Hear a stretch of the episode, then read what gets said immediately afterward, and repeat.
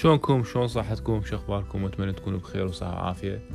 وسلامة. موضوع اليوم عن الموت. أشياء جديدة يمكن ما سامعين بها عن الموت و... وهواي تفاصيل أخرى. الموت عندنا بالعراق فشي مرعب. فشي يخوف فشي يعني صعب حتى تنطقه. من تقول فلان راح على فلان صعد للسماء فلان. إلى رحمة الله تخاف تنطق هاي الكلمة. الناس تخاف تنطق هاي الكلمة ليش؟ لأن يتصور أن إذا حكاها ممكن يصير بيه أو أحد يموت من أقاربه. وهذا الشيء ماكو نهائيا طبعا. مستحيل يصير.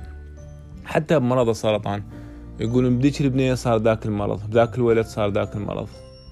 ويخافون ينطقون اسم المرض لأن يتصوروا أن احتمال المرض يصير بيه لذلك يخاف نطقه الموت هو حالة حال الحياة. لازم نفتهم هذا الشيء هنا وما يصير نخاف من عنده لأن هو جزء من الحياة.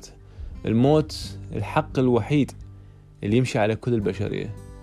بما معنى أنه الغني راح يموت والفقير راح يموت الرئيس راح يموت والمرؤوس راح يموت والكل راح يموتون. فممكن أن هذا الشيء يفرحنا أكثر ما يحزننا. لأن الشخص المقابلنا مهما كان قاتل مهما كان مجرم راح يموت بيوم من الأيام.